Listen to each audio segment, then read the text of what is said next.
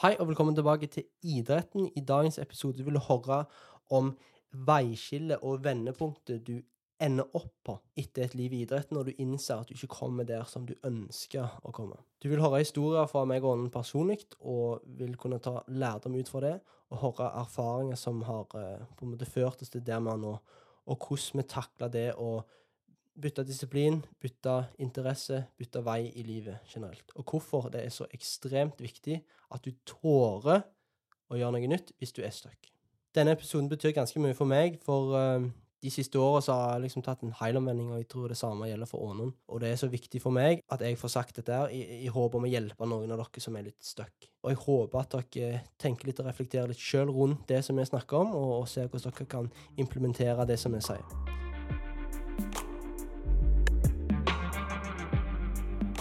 Så her sitter vi da, Ånon. Etter mange, mange år, et helt liv i idretten som er tema for egentlig hele podkasten, hvor den ideen kom fra. Der vi sitter nå, i begges tilfelle, er ikke der vi egentlig håpte å ende opp, hvis vi skal være helt ærlige. Det var ikke mitt mål å være der jeg er nå. Nå. Uh, for noen år siden så hadde den sikkert vært litt skuffa, men sånn som det er nå, så er jeg i hvert fall jeg ganske fornøyd. Mm. Og det, det, vi kaller det, er jo eh, livsforandring. Du blir større, du får erfaringer. Ting går ikke sånn som du håper. Ting går ikke sånn som du planla. Og så ender du opp på en ny sti som tar deg i andre retninger og andre opplevelser. At du endte opp en annen plass enn det du hadde forventa for ja. en del år siden? Mm. Spesielt hvis du driver med toppidrett, så har, har, du som regel et mål. Spesielt hvis du er ganske god, og du, du lever, og, og, og liksom idretten er viktig for deg. Mm. Da har du som regel et mål om å bli så og så god, komme på et så og så bra lag, få til så og så mange gullmedaljer, for eksempel. Og, og, i mitt tilfelle så var alltid målet å bli best, hva enn det betydde. VM, verdenscup, alt det tjafset der. Sånn ble det ikke for noen av oss. Ikke skiskyting, i hvert fall. for nei. Til. Og det er jo den, den, det vi skal snakke litt om, om i denne episoden. her. Du kommer liksom til et punkt der du innser da, og det var litt der vi avsluttet sist gang, der du innså at OK, dette tror jeg faktisk ikke jeg eh, kan bli best i. Du innser at eh, enten så har du ikke genetikken, eller du har for mye uflaks, eller hva enn det er som stopper deg, så innser du på et punkt at eh, OK, dette kommer ikke til å ta meg det jeg håpte. Jeg må faktisk gjøre noe nytt. Og det er så vanskelig når det punktet kommer, og det er det vi skal snakke litt om nå. For din del, Ånden, hvordan var det når du Eller når fikk du det punktet, og husker du det?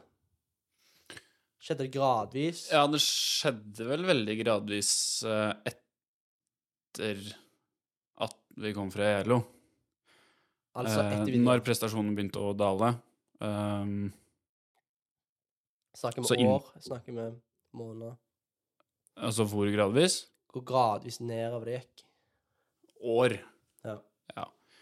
Uh, kanskje Eller sånn realistisk sett så burde, burde en jo sett det veldig tydelig, egentlig. Men um, det er vanskelig å innrømme det for seg sjøl, da. Og, og, da snakker vi om ut, å se det sjøl ut fra prestasjon, eller snakker vi om å se det ut fra din egen motivasjon? Eller er den veldig linka i lag? Nei, ut fra prestasjon og motivasjon så ser du vel egentlig veldig tydelig, mm. ganske fort. Uh, men så er det jo fortsatt uh, noe inni deg som på en måte nekter å gi slipp på det. ja. Den dropper vi. Ja, men det var det. Ja, men du har jo noe i deg som på ingen måte har lyst til å gi slipp på det og drømmen. Du investerer og, og, og jobbe veldig hardt med noe. Jobbe hardt med idrett, business, hva enn det er som å oppdra en baby.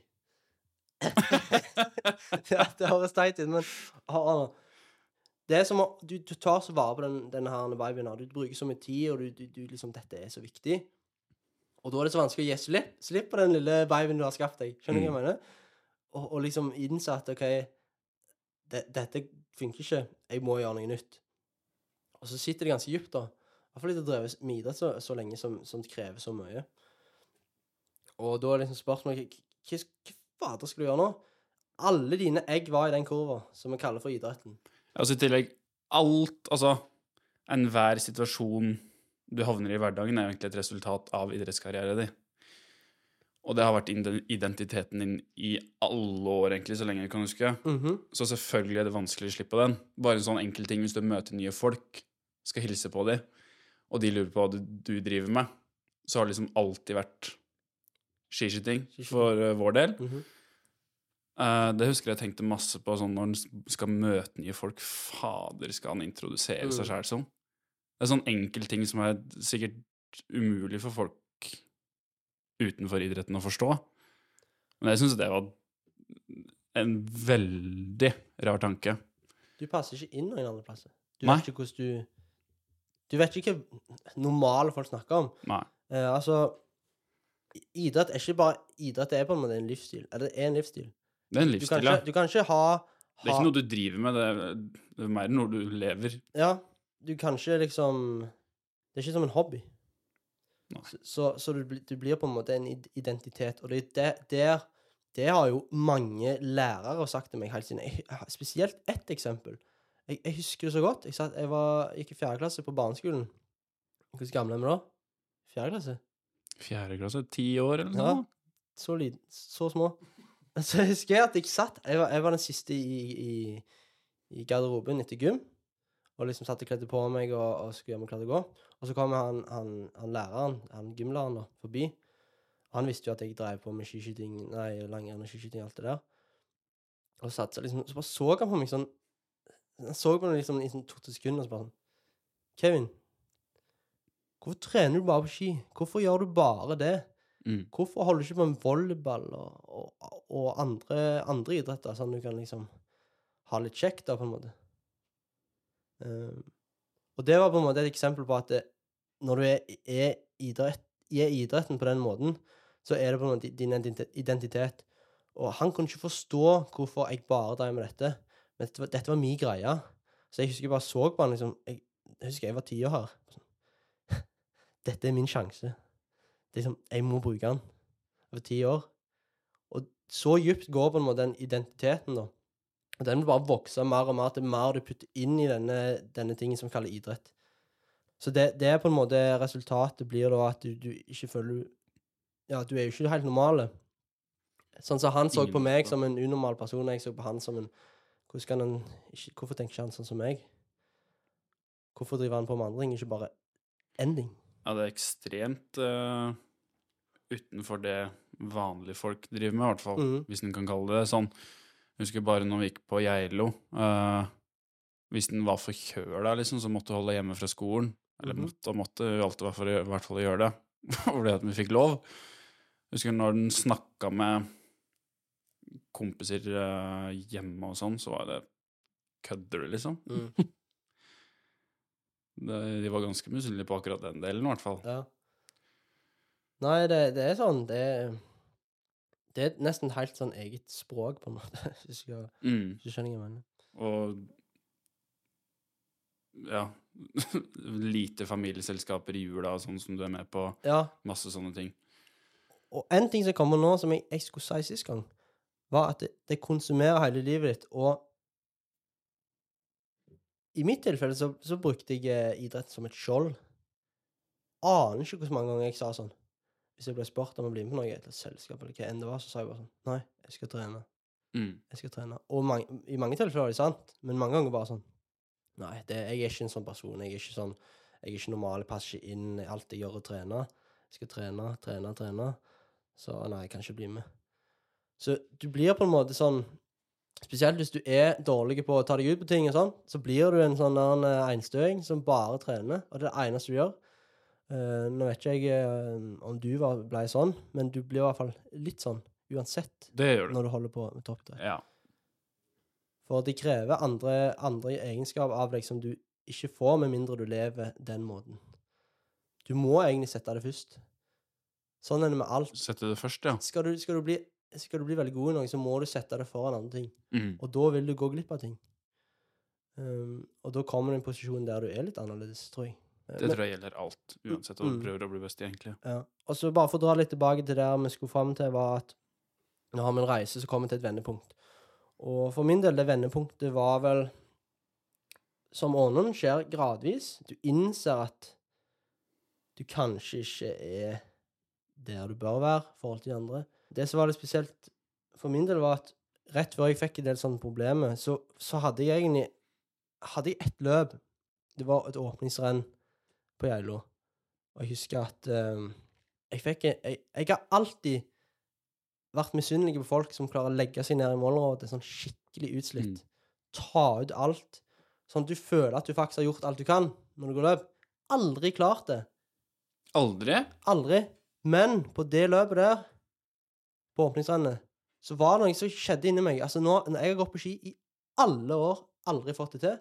Alltid drømt om det. Og jeg fikk det endelig til. Jeg klarte liksom å ta ut sitte. Liksom, det betydde noe mer av en eller annen grunn akkurat da. Så jeg liksom ble ganske gira.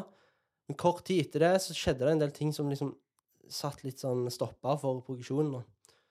Men når du klarte å ta deg sånn fullstendig ut For jeg husker det er egen erfaring, i hvert fall. De, altså de vondeste skirennene har gått, men kanskje de skirennene har vært i best form. Var det tilfellet ditt? Sikkert ja. Det er òg en, en veldig viktig ting som jeg husker onkelen min sa. Jeg var med de på Han var trener for noen som var eldre. Jeg var bare 12-13 år, fikk være med de. Og så sa han det at dere må huske på at når dere er i god form, så skal det òg gjøre vondt å gå skirenn. Mm. For det er veldig lett å tenke at når du er i god form, da flyter det og går lett. Det er ikke noe problem da. sant? Så glemmer du av å tenke på det på forhånd.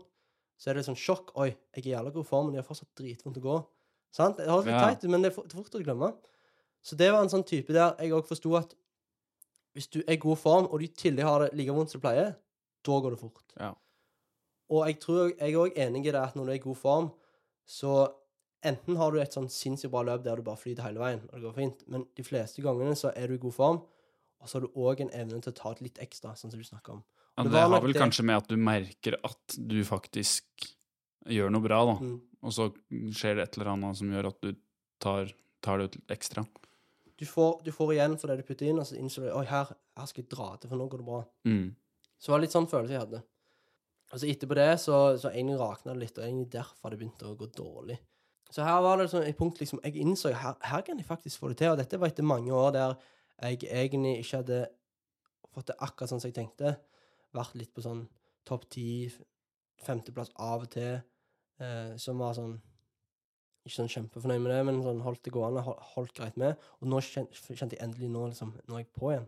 Og så liksom rakna det igjen, da. Jeg husker jeg var på samling, eh, og så kjørte Kjørte vi på hjem fra samling, og så var det ganske høy eh, musikk i bilen. Hvilke år er vi i nå?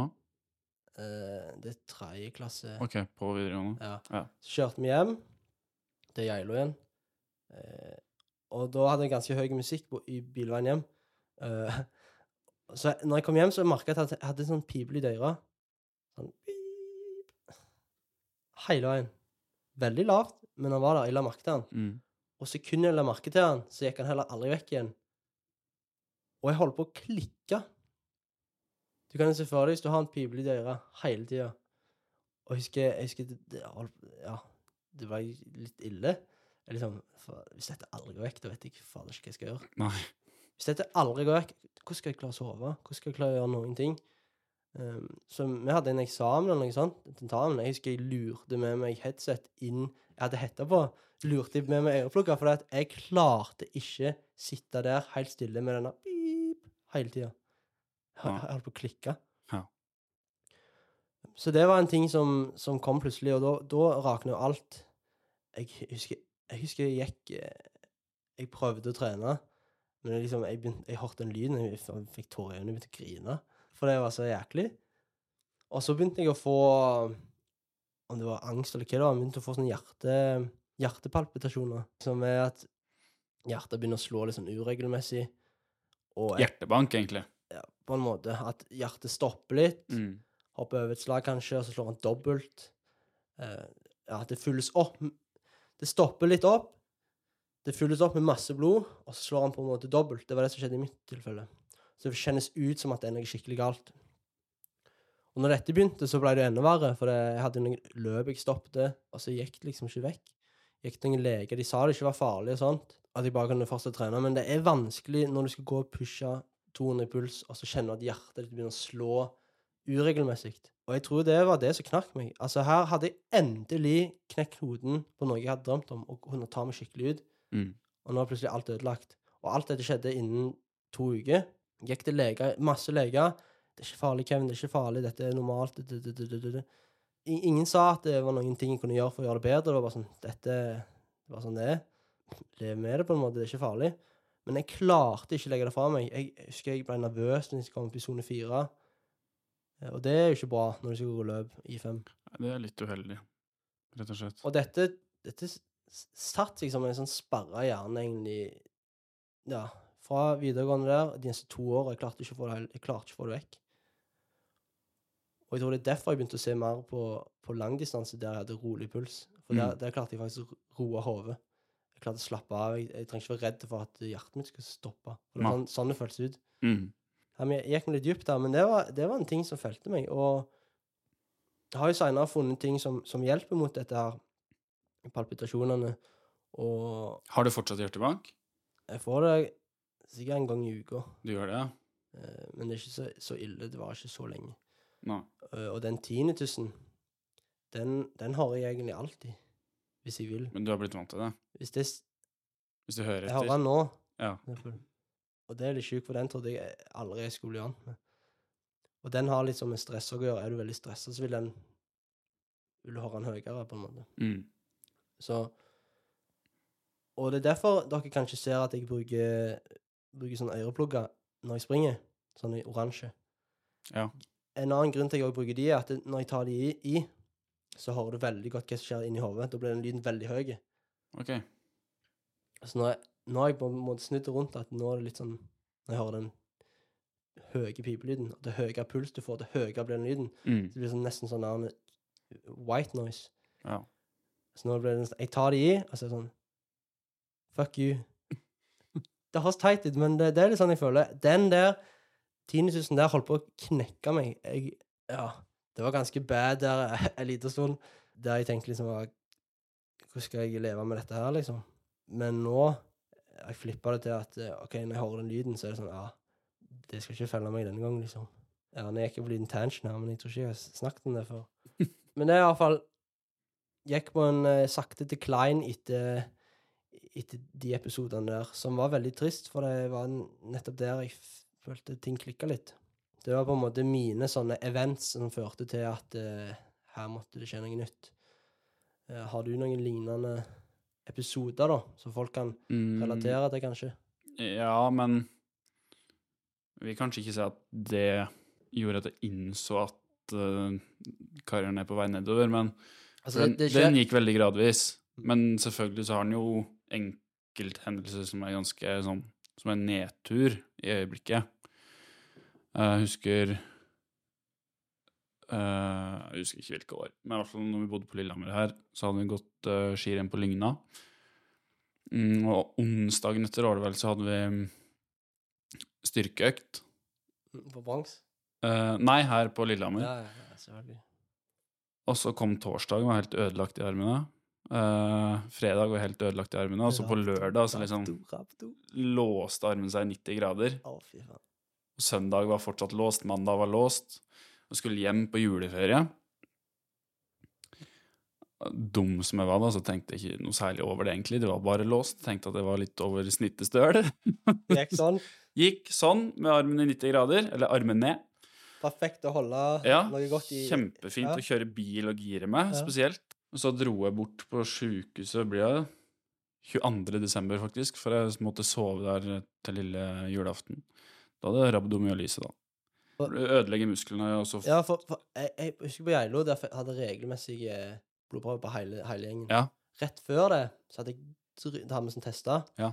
Um, så ringte legen meg på sånn Om du er jækla stiv i magen Nei, nei, om du er veldig stiv i muskulaturen. Så ja, jeg er dritstiv i magen. Ja. Eh, muskulaturen. Og så sånn, ja, det ser ut som du har rabdo. Mm. Jeg hadde det ganske mildt, men det var sinnssykt stivt. Jeg kan bare tenke meg hvis du faktisk måtte bli lagt inn. Ja, men det, altså, du blir bare lagt inn og får intravenøst, da. Så det er jo forholdsvis udramatisk sånn sett. Ja, men Men allikevel, da. Det var jo i hvert fall litt nedtur der og da. Ja. Uh, men så fikk den fikk jeg jo trent meg opp greit igjen mot neste sesong og sånn. Og så Mhm. husker jeg på høsten Var i dritgod form. Følte meg totalt uovervinnelig omtrent. Og så var vi på samling på um, Østre Toten. Mhm. Og så var det en sykkeløkt der. Uh, sykla og sykla og sykla, og så sa det pang. Og klarte ikke å sykle en meter lenger. Så. Siste milet så ble jeg trilla av andre på laget, som dytta meg hjem. Og du følte deg bra opp til det punktet? Ja, ja. Nei Jeg følte meg OK, jeg må bare bryte inn her. Ånden har en uvenn om å si ja, ja. Så vi prøver å avvenne det. Ja.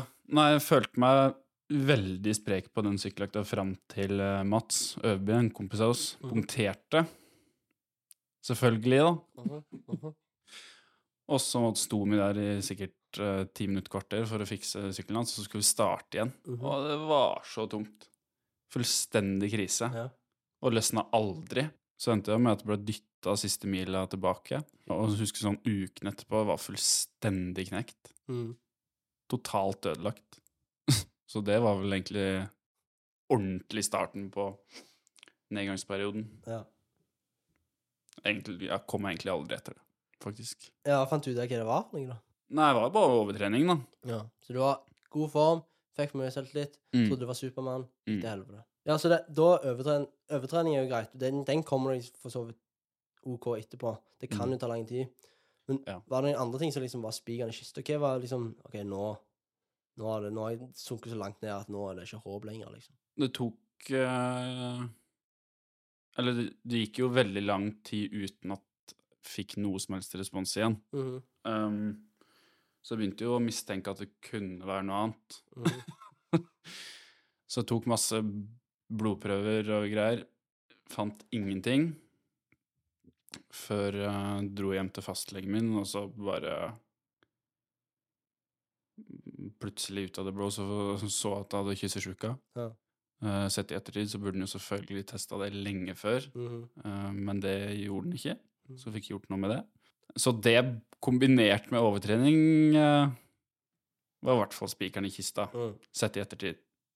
Og da var det bare sånn Nei, nå, nå satser jeg ikke lenger, liksom. Skjedde det så gradvis at du prøvde å trene litt, og sånn nei det, Det skjedde ikke så fort i huet mitt, men i praksis så gjorde det det. mm.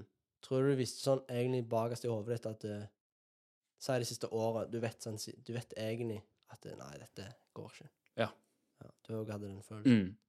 Den tror jeg det er mange som har. Ja. Det er jo fordi at det er sinnssykt vanskelig å ta det valget, da. Mm. Sånn å gjøre det offisielt. Nei, så en, en sakte, sakte død av karrieren, egentlig. Ja, veldig. Mm. Ja, det var en dyster stemning her. uh, Vi trives ja, her i dag. trives hver dag, og Ja. det er det vi skal fram til. For min egen del så hadde jeg jo et, disse problemene mine, da, som jeg på en måte klarte å legge litt fra meg. Og jeg, jeg tror kanskje etter et år etter jeg begynte å få disse hjertegreiene, at eh, jeg klarte å pushe litt på hardøkt. Mm. Begynte litt på den igjen. Men det var fortsatt langt bak der jeg ville være, da.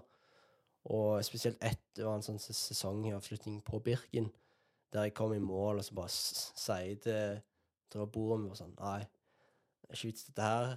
Jeg bare begynner med Fortnite heller, eller noe sånt. For det, det var så under par, rett og slett. Det var så dårlig.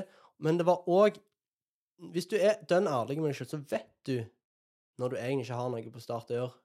Greia er bare at du er så vant med å konkurrere. Det er det du gjør. Og du er så inni det at du vet ikke hva annet du skal gjøre. Det er hele livet ditt. Hvis jeg ikke går løp, hva skal jeg da gjøre? Sant? Mm. Og det er tryggere å være en plass du er kjent, men du ikke presterer, enn å gå en ny plass der du kan prestere bedre, men det er ukjent. Det er veldig sant. Sant? Ja. Så det punktet Jeg visste jo det siste året, sikkert to år, at det, dette her får ikke jeg til. Jeg kjente det på Jeg følte ikke jeg hadde genetikken, jeg følte det var mange ting som mangla, jeg følte ikke jeg hadde hodet til å bli god, jeg følte ikke alt gikk egentlig bare motsatt vei. Jeg, jeg innså det at eh, du vet innerst inne at dette er ikke for deg lenger, og, og du innså at du bør gjøre noe nytt, men du har ikke peiling hva du skal gjøre. Og det er ganske skummelt. Når plutselig er du 21-22, og alt, alt energien du har brukt på, én ting, som var skiskyting, idrett, ikke går som det skal, og du har ingen plan B, Akkurat Mm. sånn som alle lærerne sa til deg opp igjennom. Kevin, skal du, skal du levere en tentamen allerede? Det har bare gått en halvtime. er du helt sikker? Det er, det er veldig viktig, altså. Tenk hvis du blir skada. Du burde ikke ta, ta så veldig masse seriøst på skolen, ha en plan B. Men nei, plan B, skal bli best. Mm. Så teit å tenke sånn. Så de fikk faktisk rett til slutt. Mhm. Vondt å innrømme. Ja. Så det kommer gradvis til det punktet, og innse de siste to åra at du bør ikke holde på med dette. Og jeg vet at det jeg sier nå, sikkert irriterer Ikke irriterer, men mange som hører på nå, dere vet at uh, dere burde gjort noe annet. Dere vet at dere ikke kommer til å bli best. Dere vet at dere burde prøve noe nytt, Mm. men det er skummelt. sant? Mm. Uh, og jeg husker jeg hadde en episode rett før jul i 2020. Da husker jeg jeg satt på, i trappa, jeg tok, skulle ta på eh, skiskoene mine, og jeg liksom bare Hva er det jeg driver med? Du hater dette her. Jeg Mm. hadde faktisk, jeg hadde blitt så lei av skiskyting og ski og rulleski og alt det dritet der at jeg, jeg hata det. Jeg gruer meg til å gå på trening. Jeg ville ikke trene. Så jeg bare sånn Jeg husker, jeg, faktisk, jeg tror faktisk jeg ringte mor og så bare sånn Eller hun ringte meg og sa sånn ah, 'Jeg skal egentlig på trening, men har ikke lyst.' Og så sa hun det. 'Ja, bare gå, begynn, kom i gang, så blir det bedre.' Men liksom, hvor mange ganger skal du gjøre det? Hvor mange ganger skal du bare gå på trening for å gå på trening? Jeg innså her må jeg faktisk gjøre noe nytt. Og så seinere endte det med at jeg kom til NM. Og det gikk så jækla dårlig. sant? Jeg hadde jo tapt i mitt eget hode allerede før start. Det finnes jo ingenting verre enn å skulle stille på skirenn i den situasjonen. Nei, du har tapt i ditt ah, eget hode. Men du har ingenting bedre å gjøre med livet ditt.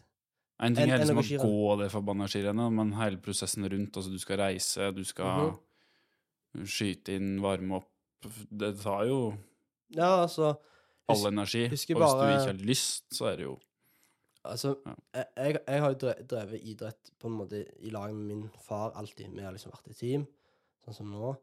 Og liksom gjort alt i lag. Så jeg husker jeg bare satt meg i bilen når vi kjørte. Jeg husker jeg kvier meg for å si det, men etter sånn 15 minutter bare sånn Det der funker ikke. Jeg må gjøre noe nytt. Mm. Og jeg, jeg husker han var litt sånn stumme først, og så bare sånn Ja, hva skal du da gjøre? Og så bare Nei, jeg vet ikke, men this ain't it. Dette funker ikke. Jeg hater dette. Se hva jeg nettopp gjorde. Jeg, jeg, jeg suger å gå på ski. Mm. Jeg suger å skyte, får ikke til noen ting. Tapte mitt eget hode. Har ikke trua. Og da er spørsmålet hva skal jeg gjøre da? Og det er her det er så viktig å være modig.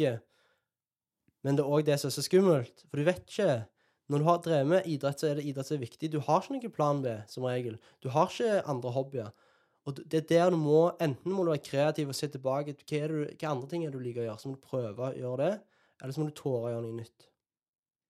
Så jeg husker at jeg Jeg tror dagen etterpå jeg bare gikk ut, for jeg hadde sett litt på ultraløping og sånn på dokumentar, blitt inspirert. Det var på en måte min, min sånn der ting jeg tenkte kanskje det hadde vært kult. Alle, hvis du tenker godt nok, så har du en sånn ting bak i hodet du tenker det hadde vært kult.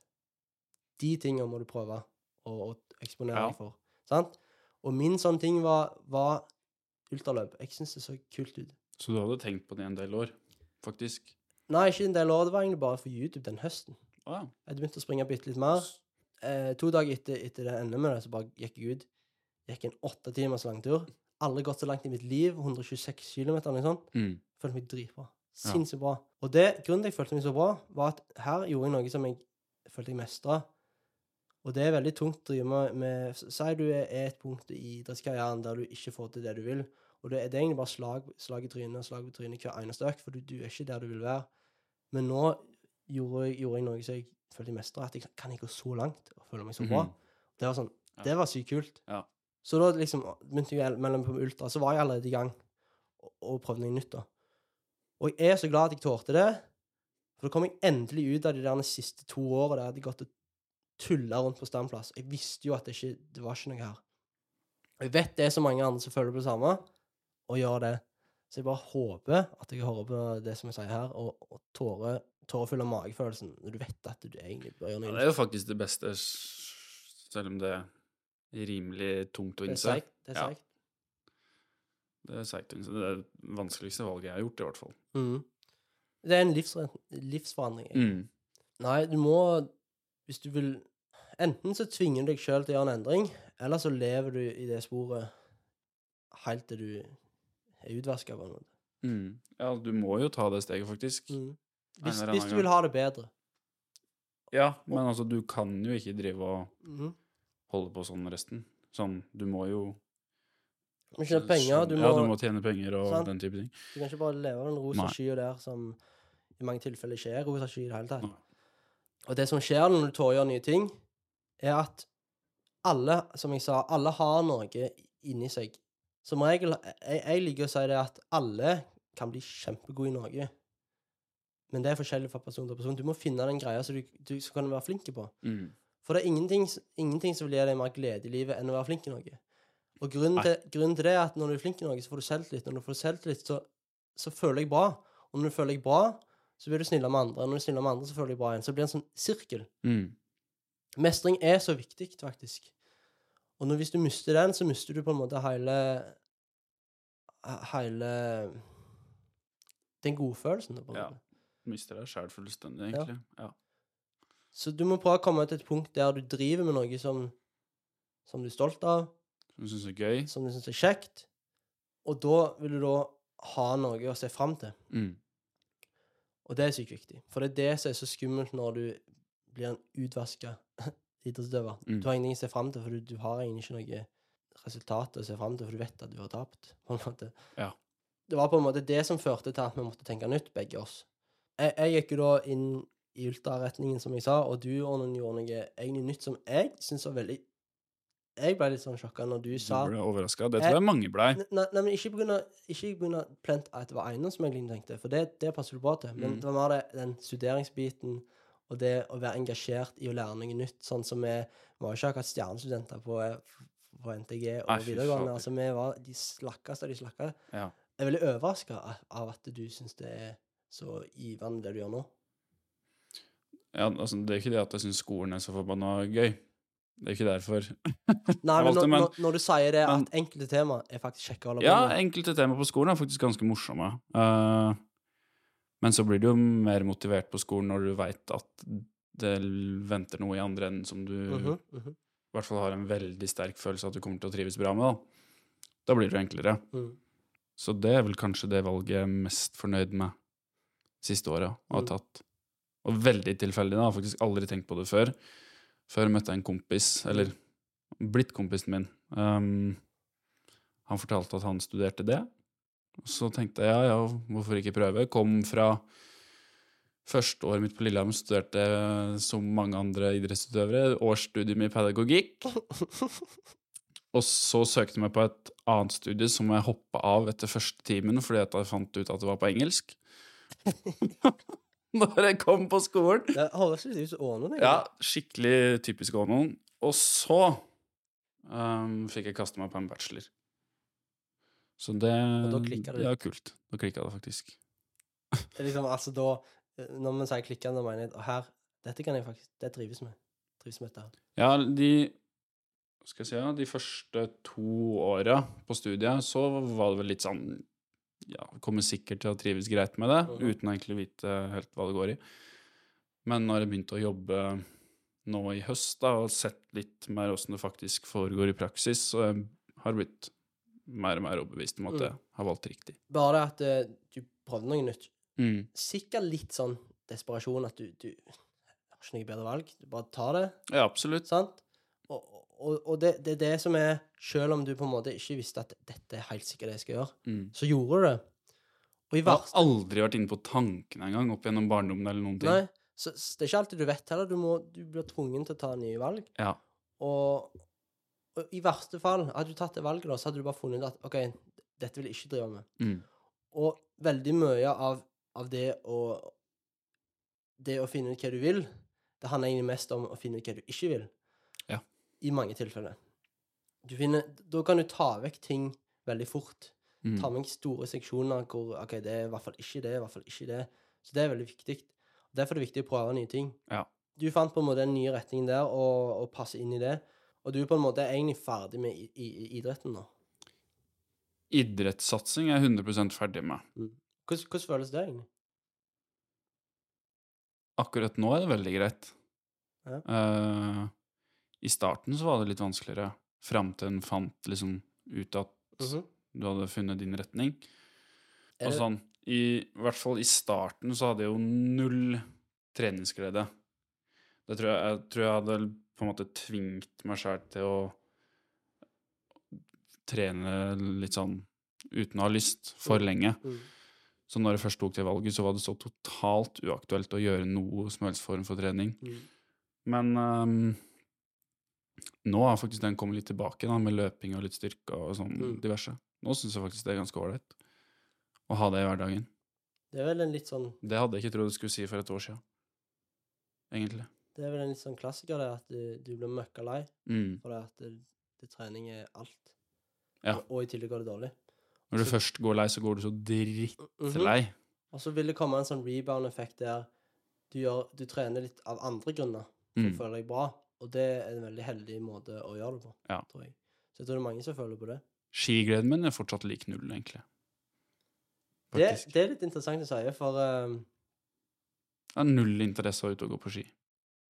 Ja. For um, jeg føler egentlig på samme. Liksom. Litt mett. Ja. Drittlei. Altså, det, er ikke, det er ikke rart, da, å bli, bli mett av så mye ski, skigåing. Nei, jeg har jo har gått over snittet mange mil. Ja, har vel det. Mm. Så, Det kan vi skryte på oss, faktisk.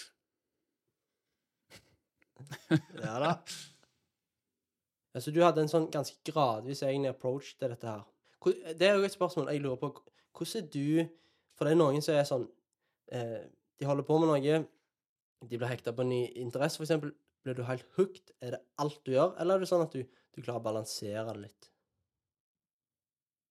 I forbindelse med Med, med alt.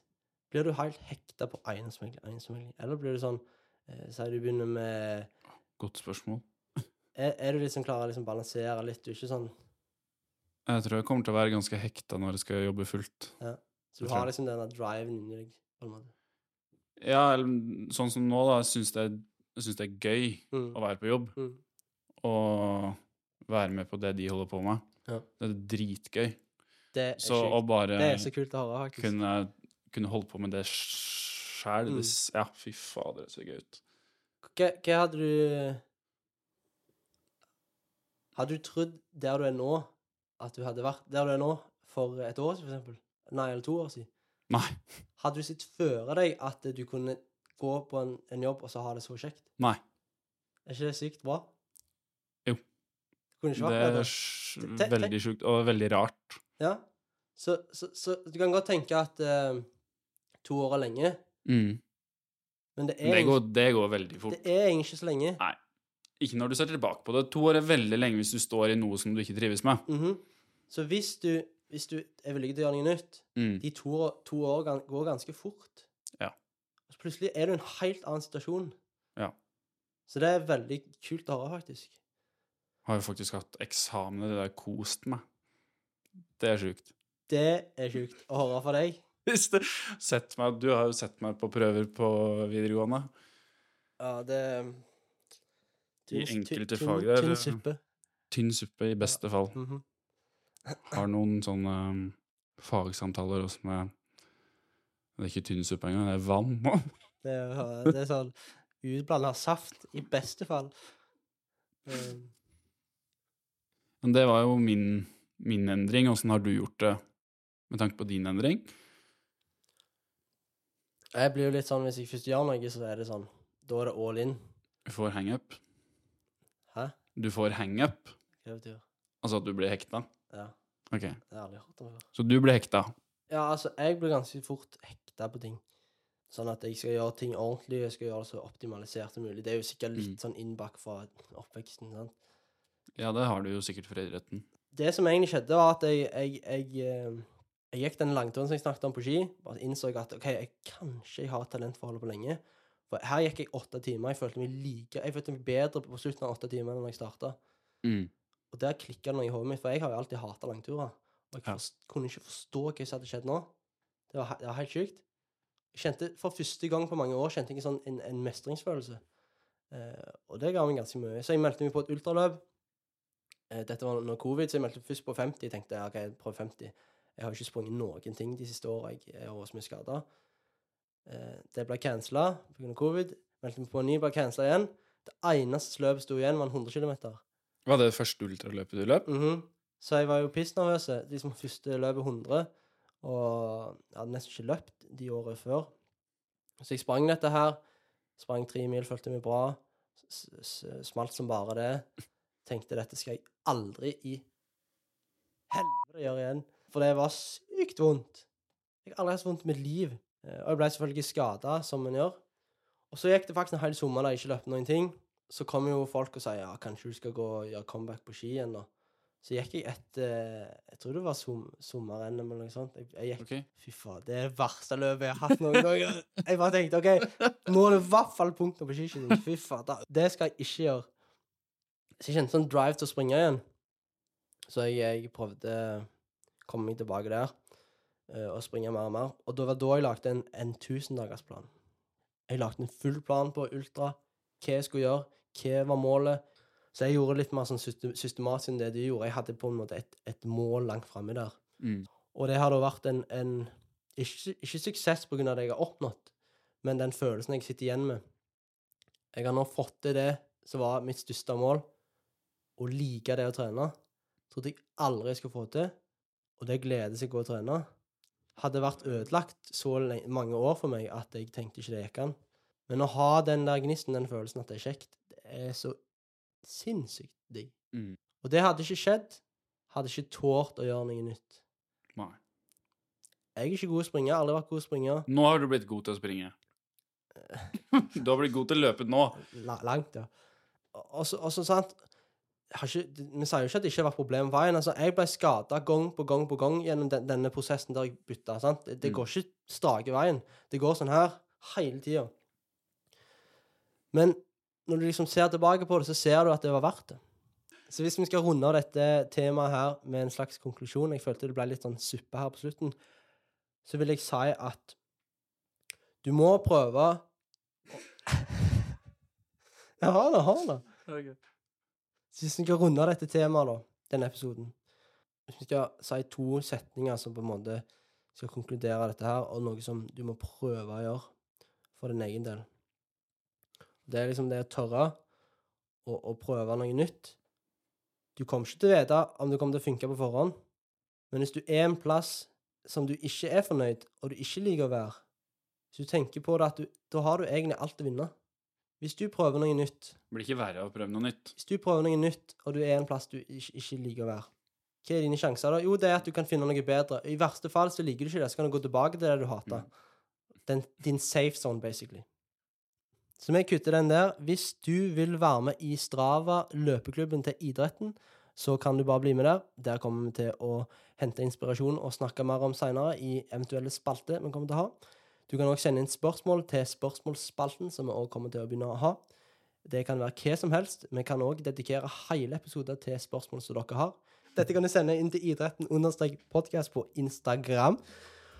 Og selvfølgelig, husk å følge oss her, for i neste episode så kommer vi snakke om positive ting med idretten.